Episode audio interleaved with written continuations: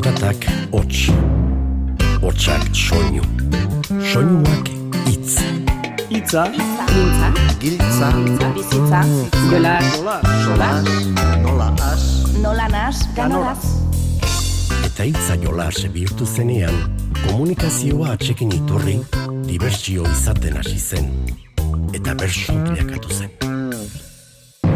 Itza jolas. Gaur larra bertzuk bertzo, goserik baldu. Bazkaltzeak ezpadu, jenterik maskaldu. Aukera galdu edo, aukerak ugaldu.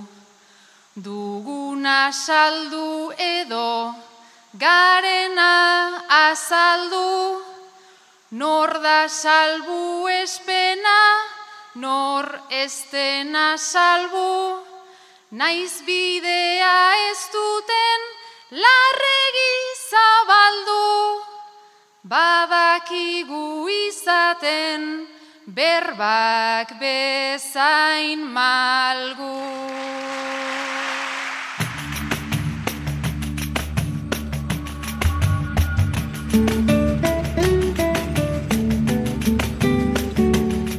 Ongi etorri entzule, nere Aibartzabalek erakutsi bezala, hitzekin jolas egiteko unea da hau, baina ez gara geu hasiko. Finalaren atarian den Bizkaiko bertsolari txapelketan, larra betzun jokatutako azken final aurrekoko bertsoak entzungo ditugu, oroitzapenetan arakatzen erasi gara, eta horrek bidea eman digu beste bertsoaldi batzuk entzuteko bederatzikoaz gain. Ekin dieza egon bada, gaurko jaurdonari.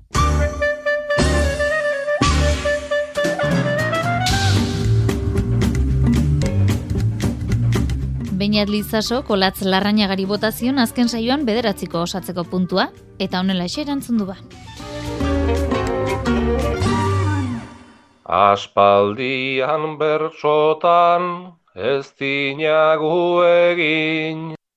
Ba momentu hontan dezaiogun ekin Umorea aldatu zaigu pandemiakin Nahi dugu baina ezin egon elkarrekin. Soluzio batekin zentzuzkoarekin.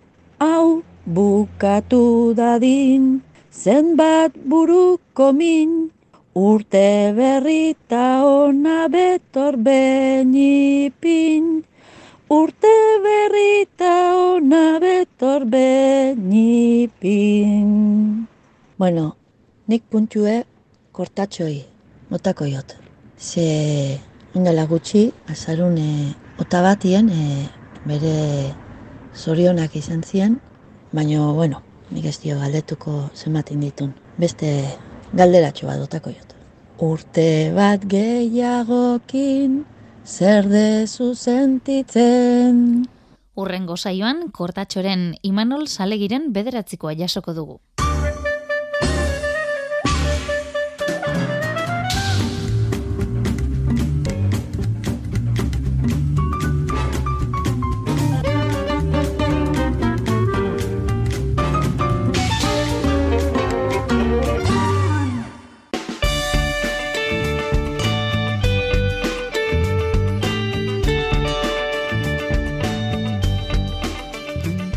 Zehaztuta geratu da nortzuk jokatuko duten 2008 bateko Bizkaiko bertsolari txapelketaren finala. Abenduaren emezortzian Bilbaoaren anarratxaldeko bostetatik aurrera izango da. Gorka Pagona Barraga, etxe barriako irabazlea, etxa unlekue, galdakauko irabazlea, nerea Ibartzabal, larrabetzuko irabazlea, eta Aitor Bizkarra, Jone Uria, Xabat Gallete Beitia, Aitor Etxebarria Zarraga eta Onintza Enbeita izango dira.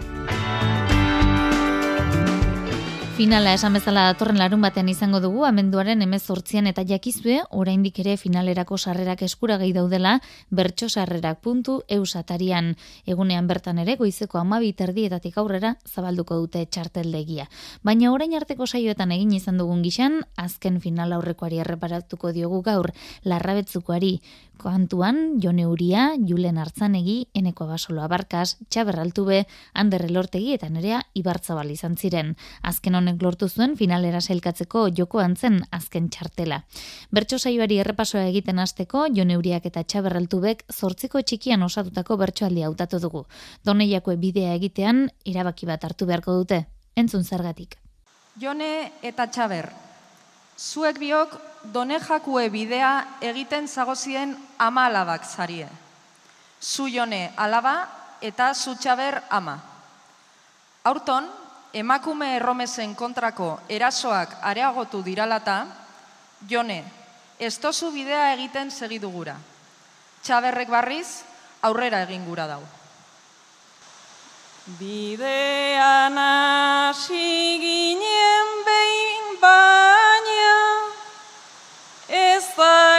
nahi nuken jarrai. Matxistak hemen ta hemen dikampo direlako gure etxai. Aterpetxean ezin badugu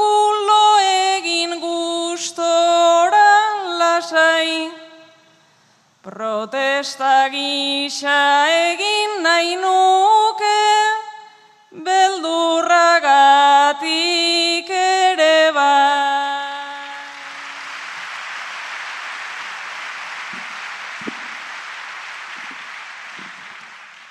Banik nahi nuke protesta gisa jarraitu errogatiba. Ta ez gelditu aterpetxeko eraso oiei begira. Ezkinatek eta iritsiko gaur egun gauden tokira. Beste batzuek zeuden lekuan gelditu izan balira.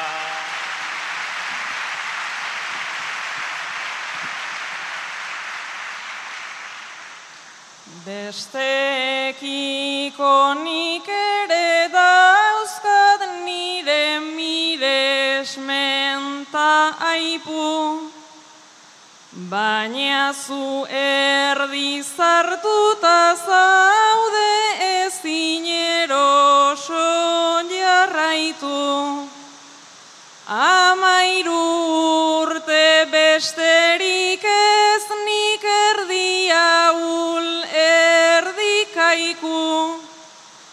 Elkar ezinta amaguk zeinek defendatu behar gaitu.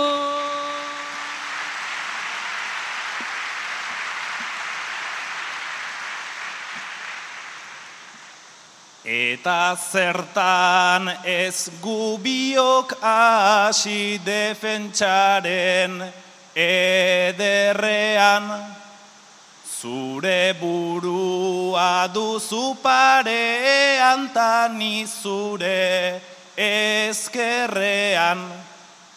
Beraz jarraitu dezagun zuzen bidearen lasterrean. Ninekatu naizta egoteaz bide denen bazterrea.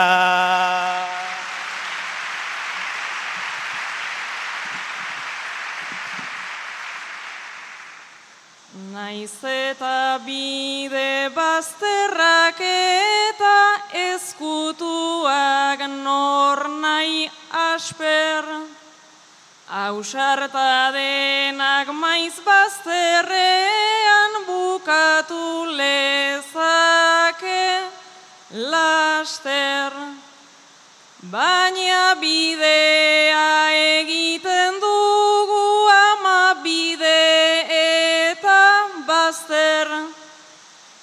Bidea egin duten eta uzten duten eske.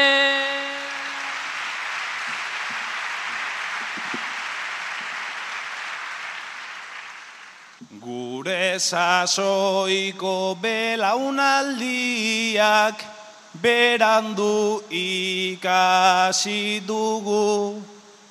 Baina alaba begira zazu datorren hori ze mundu. Segurtasunez gelditu edo aurrera egin ze gudu.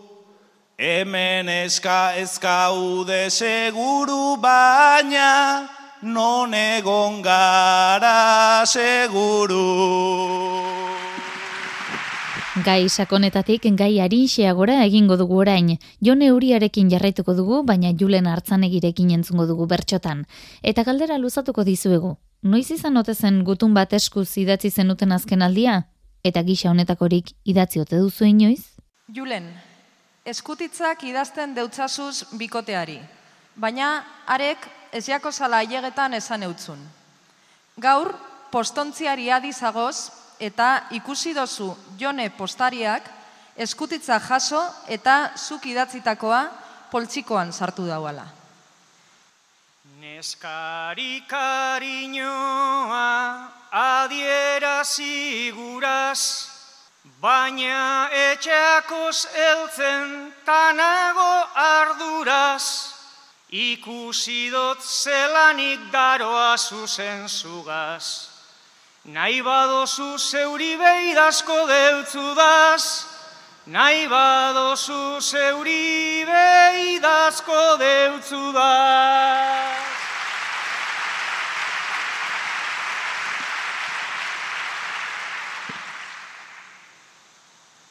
Ez ez nik ez dut behar deus larrosa usaiz, Guztia metafora kursi esaldi guaiz, Naiz eta zuk ez duzu nigerriko garaiz, Benetan mesede bat egiten ari naiz, Benetan mesede bat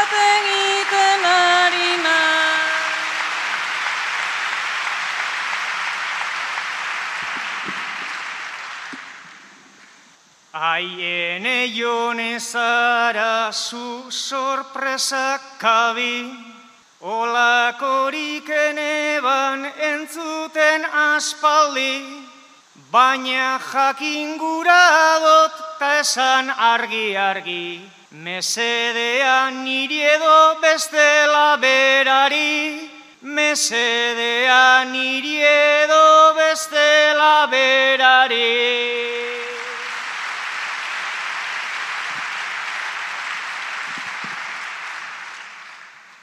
Nago bioi egin dizuedan usaian, naizuk sinisten duzun letraren paisaian, naizabiltzan bihotzak konkistatu nahian.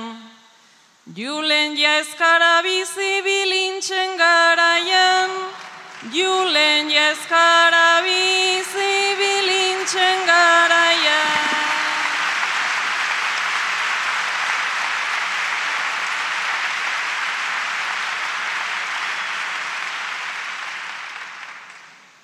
Ulertzen dut dozula nizaindu asmoa, baina alanda ere argi esaten noa, hor asaltzen dodala alde intimoa, batzuk eskertzen dabe romantizismoa, batzuk eskertzen dabe romantizismoa.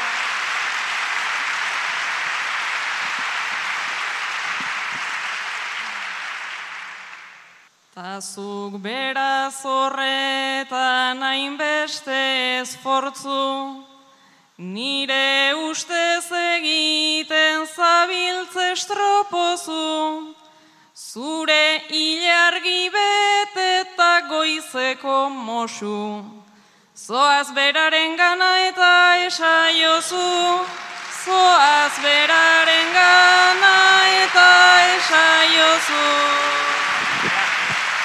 Norbaiti gutun bat idaztean, ura ikusi gabe pasa den denbora izan ohi da gaietako bat.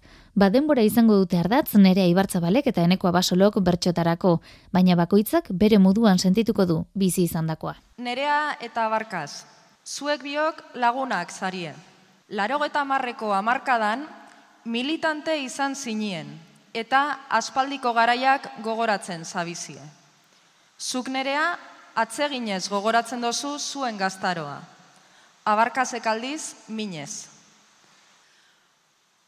Borrokatzeko geneukalako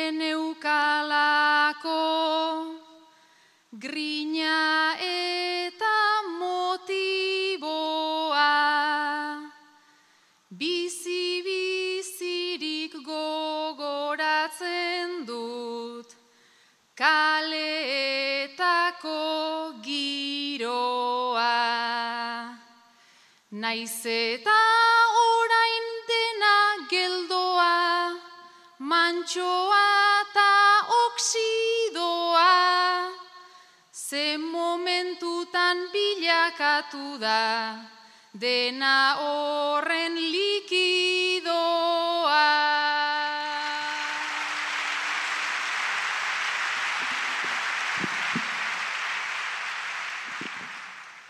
Orain solido bihurtu gara, lehen gazte likido ginen, ikuspuntuak hain desberdinak, baina kontuak zer diren. Zuk atxeginez oroitzen duzu, Eta nik minetan minen, borroka hortan lagun ugari, bidean geratu zire.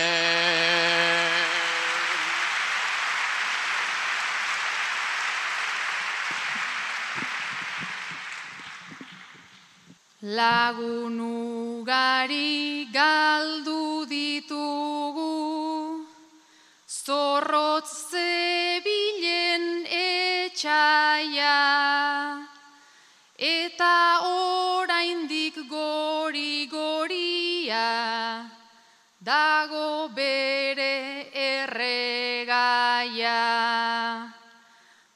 Baina aztu nostalgi hori, ta izan planta lasaia, hemen bakoitzak bizi behar du, tokatu zaion garaia.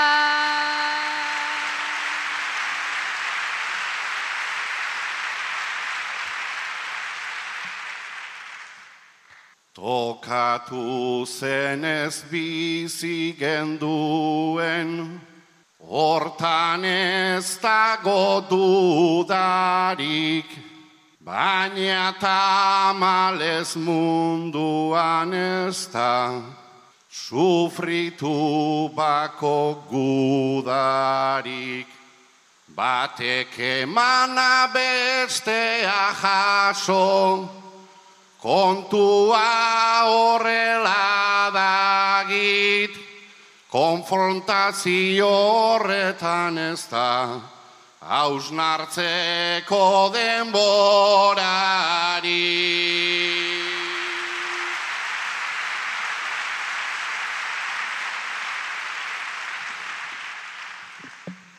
Ta urte hauek utzi gaituzte, horren era berezian, naiz desberdina izan guztia, laro geita emeretzian.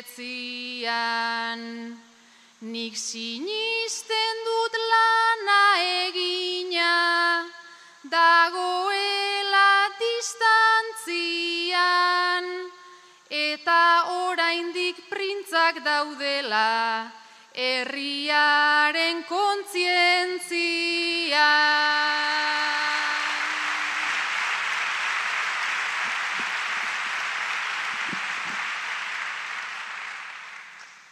Orain denporak bizi ditugu, diferente lasaiago,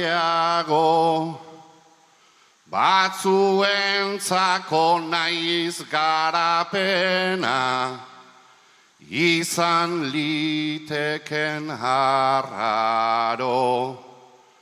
Kontzientzia pizturik dago, eta ni horretan nago, baina irabazten hasi behar bada, bide ugari badago.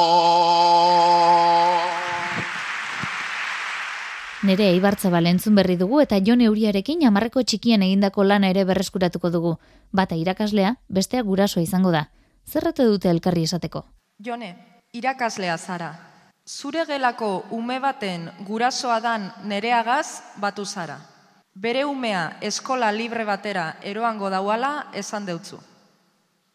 Zure aurra naiz ezten nire adiskidea, izatekotan solik ikasle nirea.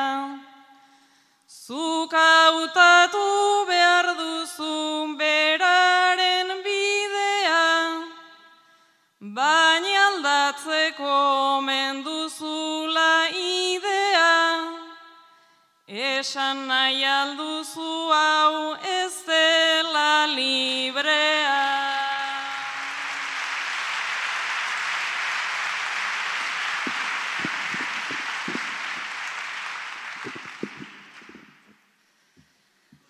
Hemen txe ibili da, bost urtetik gora, librea izan denik, ez dut esango ba, asko kostatzen zaio, hain buru gogor da, ta beste nonbait egin nahi nuke aproba, errespeta dezaten aurraren denbora.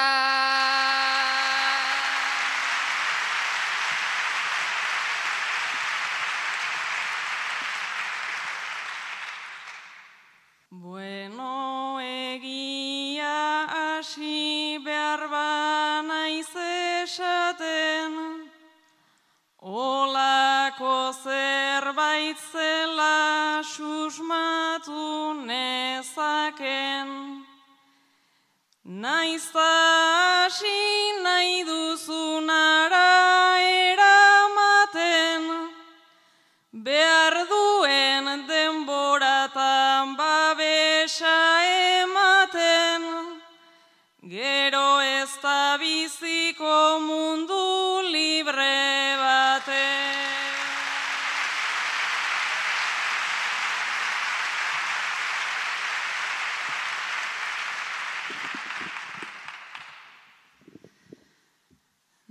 Dena librea denik, enabile esaten, baina ikusi nahi dut zer egin dezaken. Zu ibiltzen zara hor, klaseak ematen, eta baldakizu nor den nor izaten, hogeta mar umeko ikasgela bate.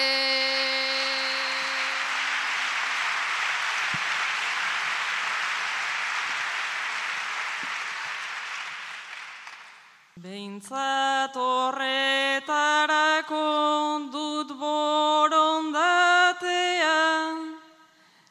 Naiz beti ez den izaten sobran aldartea. Ala daude ezkuntza eta gizartea, era badaki ezkero buelta ematea, hemen beti eukiko du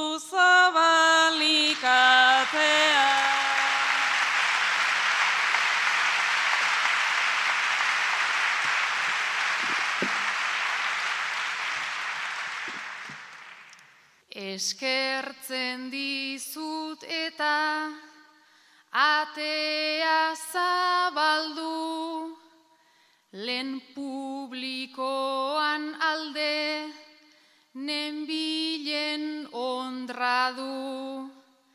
Baina orain egingo naiz, autu honen kargu, ta egia esan da, dirudun garagu, ta dirua duenak erabakia du. Larrabetzuko hirugarren eta azken final aurrekoan, kartzelako ariketan izan ziren puntu erantzunena eta bakarkakoa. Ba, uriaren puntu erantzunak eta ibartzabalen bakarkakoa entzungo ditugu segidan. Hau dozu bertsoa osatzeko lehenengo puntua jone. Inoz sentidu zara, zori gaiztokoa. Bertxotan eskapatu ezkero potoa, hori tripako mina hori gorrotoa, baina horrelakoa da gure jokoa.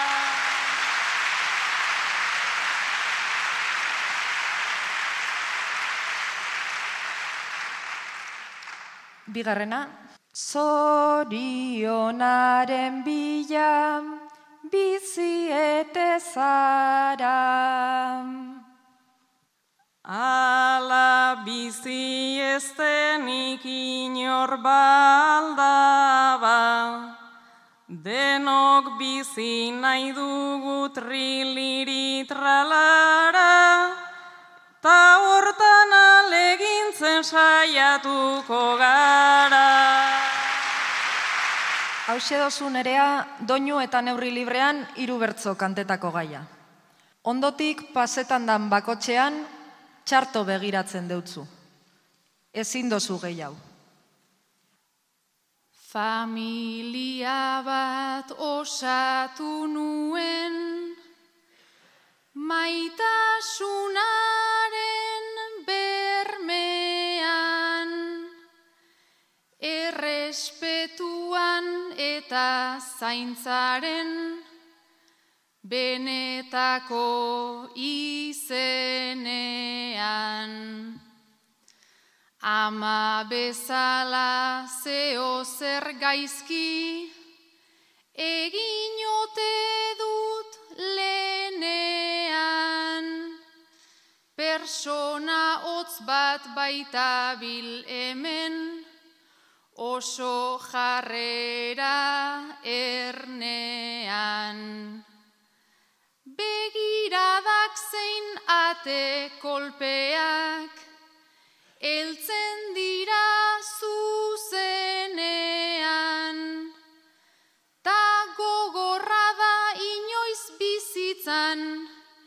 Baztertua zarenean.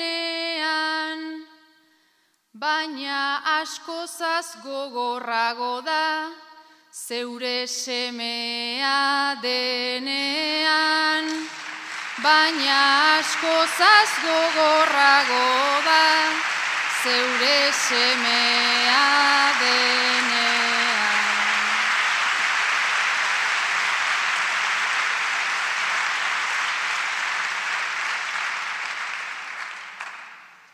Hain maitatua ondo azia, izan nuena umetan.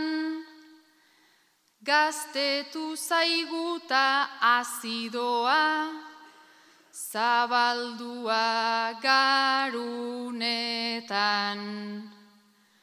Horren da hotza ez dakidala, zer ein alako unetan. Garbeatu gaizto horiek botatzen dituenetan. Dena egin dut bere neurrira, bere pozen gailurretan. Sarri manifan, pankartako ikurretan. Ta bere ama bera etxera noizelduko beldurretan.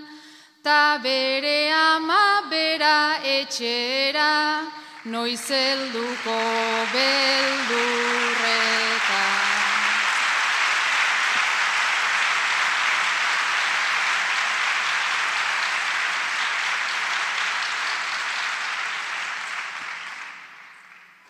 Ez dut bizi nahi umezaroko, aspaldiko ametxean, dena barkatzen, dena onartzen, bere akatsak aletzean. Itxaron egin nahiko nioke, gauean atertzean, ea susto bat edo hartzen duen, bihotzean saietxean. Ze hau inortxok ezin du moztu, neronek egin ezean, atea itxita aurkituko du, uler dezan gau beltzean. Biolentorik ez dela onartzen bere amaren etxean. Biolentorik ez dela onartzen bere amaren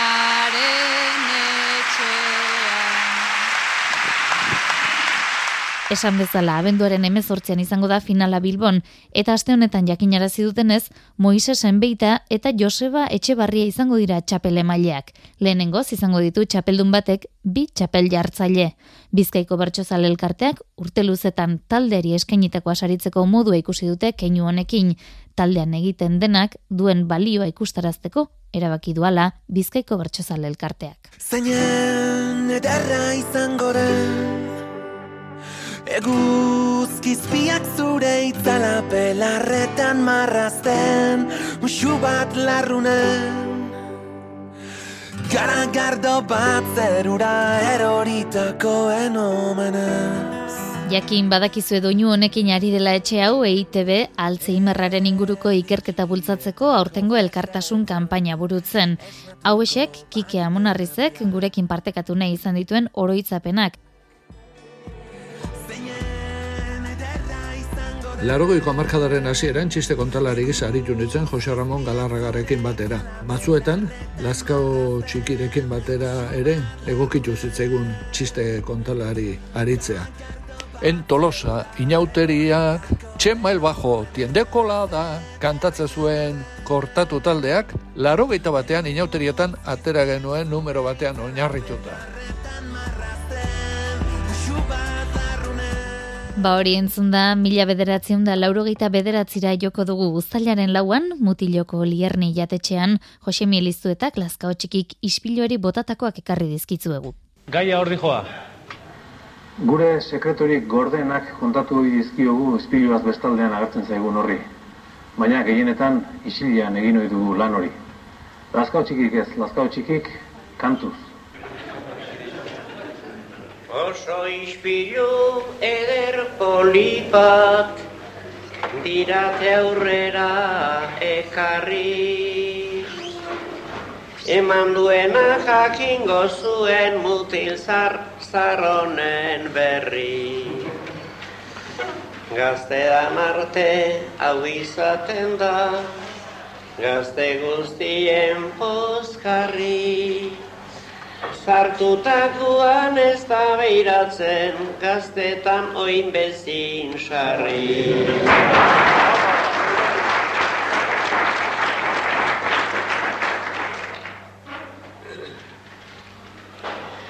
Aizak nik iri bota behar dit, bersoko eskor bat edo bi. Bengoan jarri geran ezkero, bio garpegiz arpegi. Neri begira hortik daduzkat, alperrikako bi begi. Nau noskin ikusiko, baina nik ikuste auki.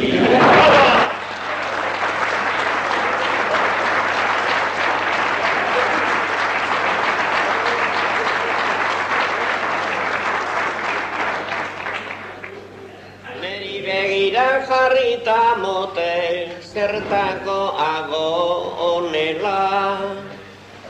Ta pentsatzen dit aspalditxotik ezagutu zen autela. Mutil zarraren mokorrekin, ez tegematen motela. Azal zimurzen ari aiz motel, laska hotxikin. Ispiluak eman izan du izpidea gehiagotan ere, mila bederatzen da laurogeita bederatzitik baino gertuago dugu, 2000 eta amabosteko uztailaren zortzia. Getxon egindako saio batetik berreskuratu dugu, Jon Euriak eta Laia Martinek osatu zuten bertsoaldia. 2000 eta amairuan, ipuinak kontatzen eta moldatzen ibili ginen. E, besteak beste edurne zurirena. Jakin badakizue, edurne zuriren e, ama ordeak izpilu biziduna zeukala. Izpilu bizidunari galderak egiten zizkion eta arek egia erantzuten zuen beti, egia gordina bazen ere. Alaiazu izango zara izpilu biziduna eta jone ba, galdezkaziko zatzaizkigu. Autoestima ez daukat munduko txarrena, baina zalantzaren bat sortu zaita aurrena, ta zuri galdetzea pentsatu urrena, zalantza bat baitaukat, kezka nabarmena, Ni alnaiz bertso munduko neska ederrena, Ni alnaiz bertso munduko neska ederrena.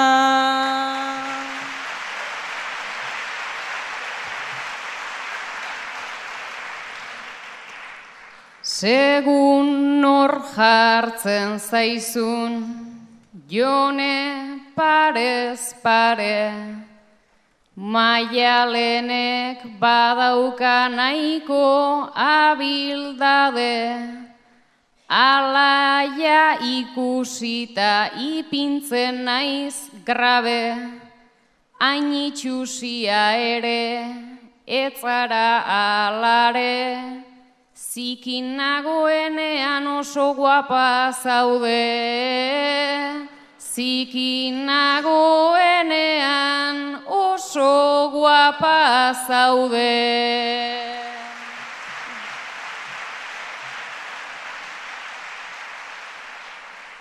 Bueno, bai maialenek onak ditu hitzak, Baina guaparen hori ez dut hartu aintzat, horrela erakutsi baitzidan bizitzak, bale alaia guapada hartzen dut egitzat, baina alaienan izango naiz behintzat. Baina alaiena izango naiz behintzat.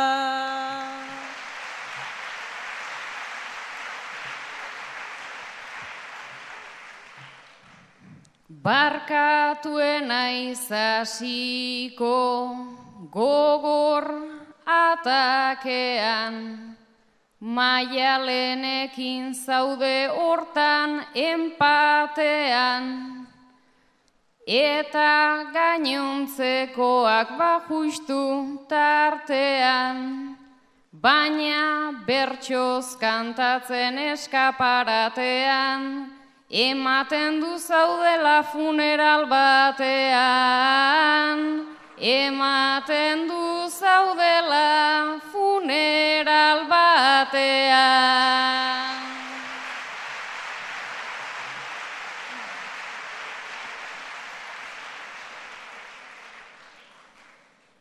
Beraz itxuran badut nahikoa miseri, baina erantzun horrekin ezin naiz eseri. Botarazi behar dizut nahikoa izerdi, Nire herriaz galdezka nahiko nuke segi, Normaite dute gehien nisabiedo fredi, Normaite dute gehien nisabiedo fredi.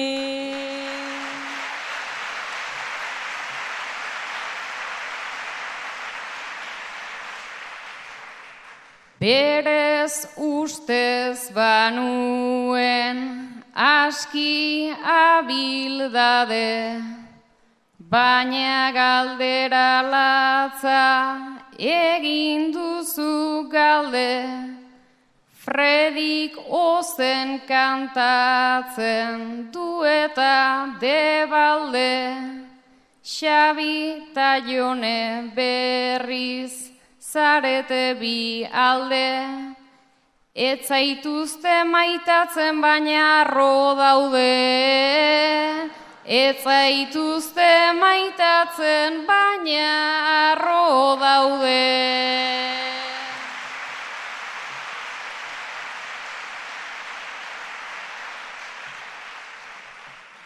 Herria beraz fredik jartzen du gainezka, Alaia da guapena zenolako festa, Triste haumen naizela ondoren protesta, Badaukat esperantza ara azken kezka, Nire aitak eta amak maite naute ez da. Nire aitak eta amak maite naute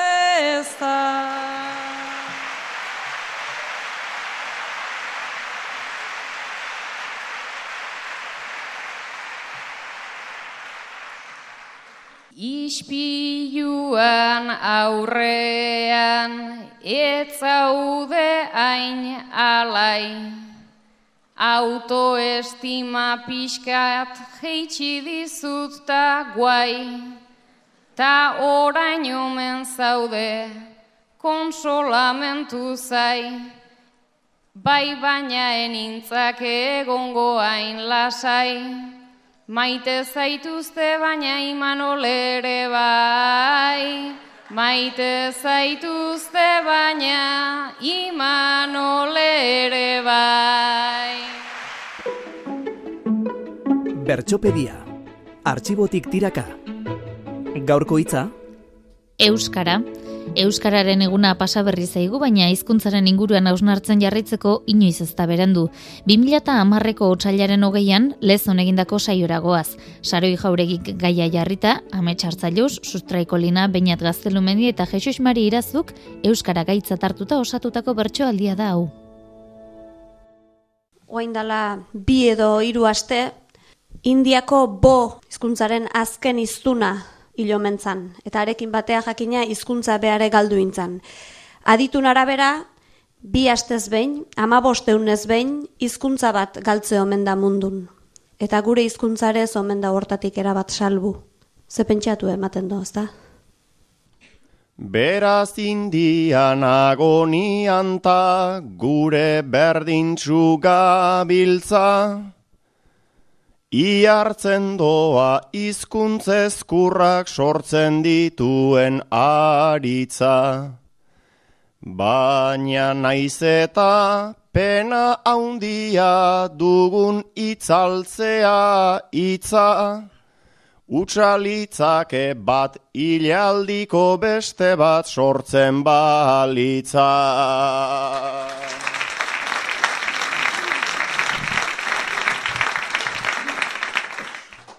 Enborberaren adar baitira, zarra eta gaztea, iru baldintza behar ditugu, salbatzeko desastrea.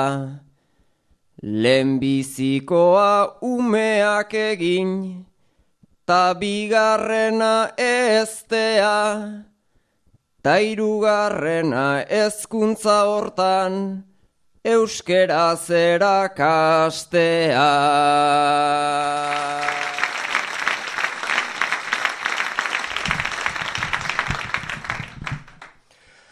Gurea ere ez dala salbo, horrela ikusten detnik, baino alare zergatik gabiltz, negarrai auspo emanik.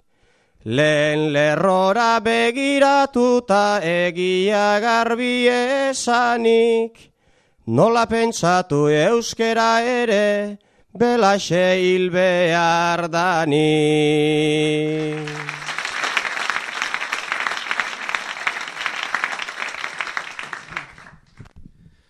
Baina bidea erakusten du, hainbeste hizkuntza hautsik, tabaldintza bat solik daukanez, edo zein hizkuntza bizik. Euskeraz jarri behar da triste pentsakor edo tapozik. Ez desagertzen ari delako, behar degulako baizi.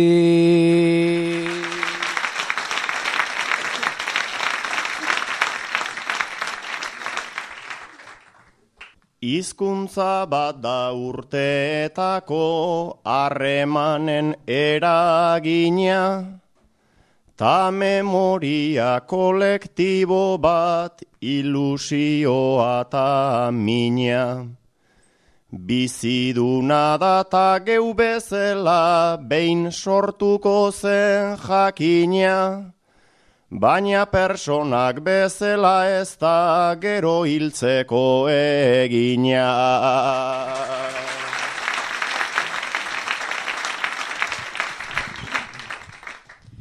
Hizkuntza bat da leio zabal bat, mundu osoa du nazai, naizta gurea apurka galtzen dijoan garairik garai. Egoerari buelta ematen, asmatu leiken nola nahi, bai terrenoa galdu liteke, baina konkistatu ere bai.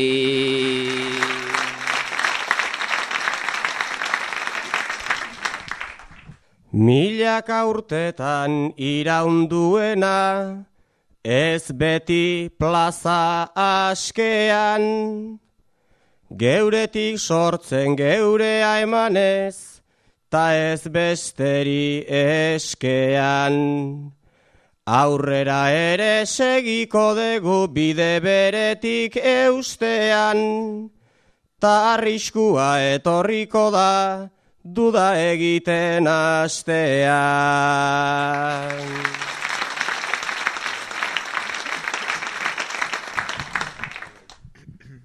Baina zalantzak sortu oi dira, kontrabadago aizea, bi haundi izan ondoan eta zailda txikira biltzea. Bi astetik behin gertatzen bada, hizkuntza baten hiltzea. Soluzio bat bakarra dago, egunero erabiltzea.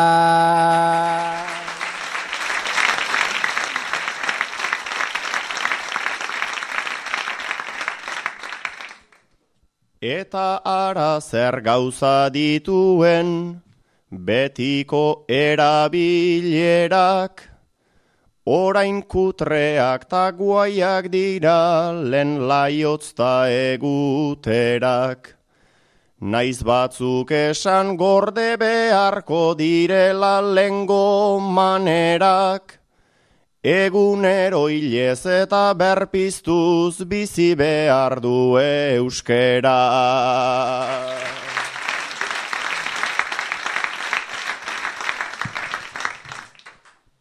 Lehen piztu eta itzalizena, orain dira of eta on, alanda guztiz lengoa egin behar diogu jaramon. Egun batean sentitzekotan, euskera bete zorion, Patxi Lopezek noiz ikasiko, ezin gintezke zaiegon.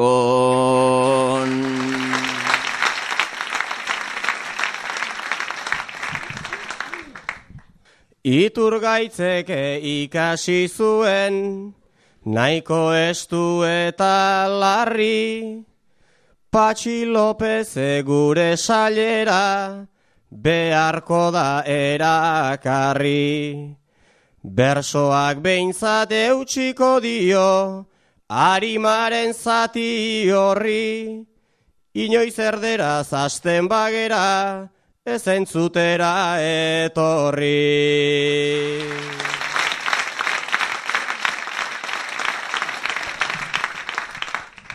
Ikastoletan ikasten dena bakarrik ez da euskera. Euskera baita egiten dena tabernan belarri ertzera. Izkera aldatu arren luzatu dezagunera bilera. Gu elkartzeko gai izan dadin, hemendik eun urtera.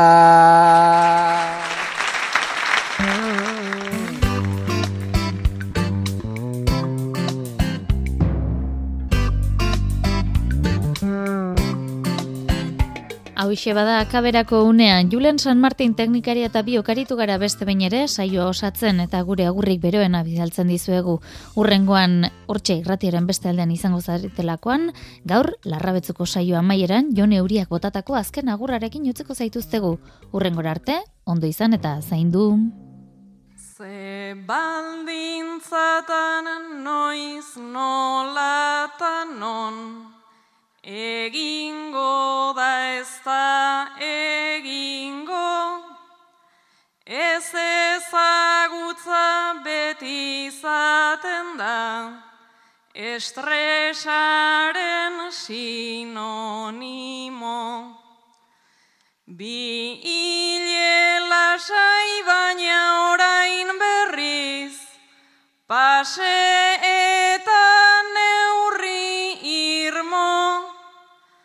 Ta ala ere zuek gurekin, ze tratu eta ze mimo. Honen atzean zera baki zail, ta zenbat lan anonimo. Mil esker talde antolatzaile, ta batez ere animo.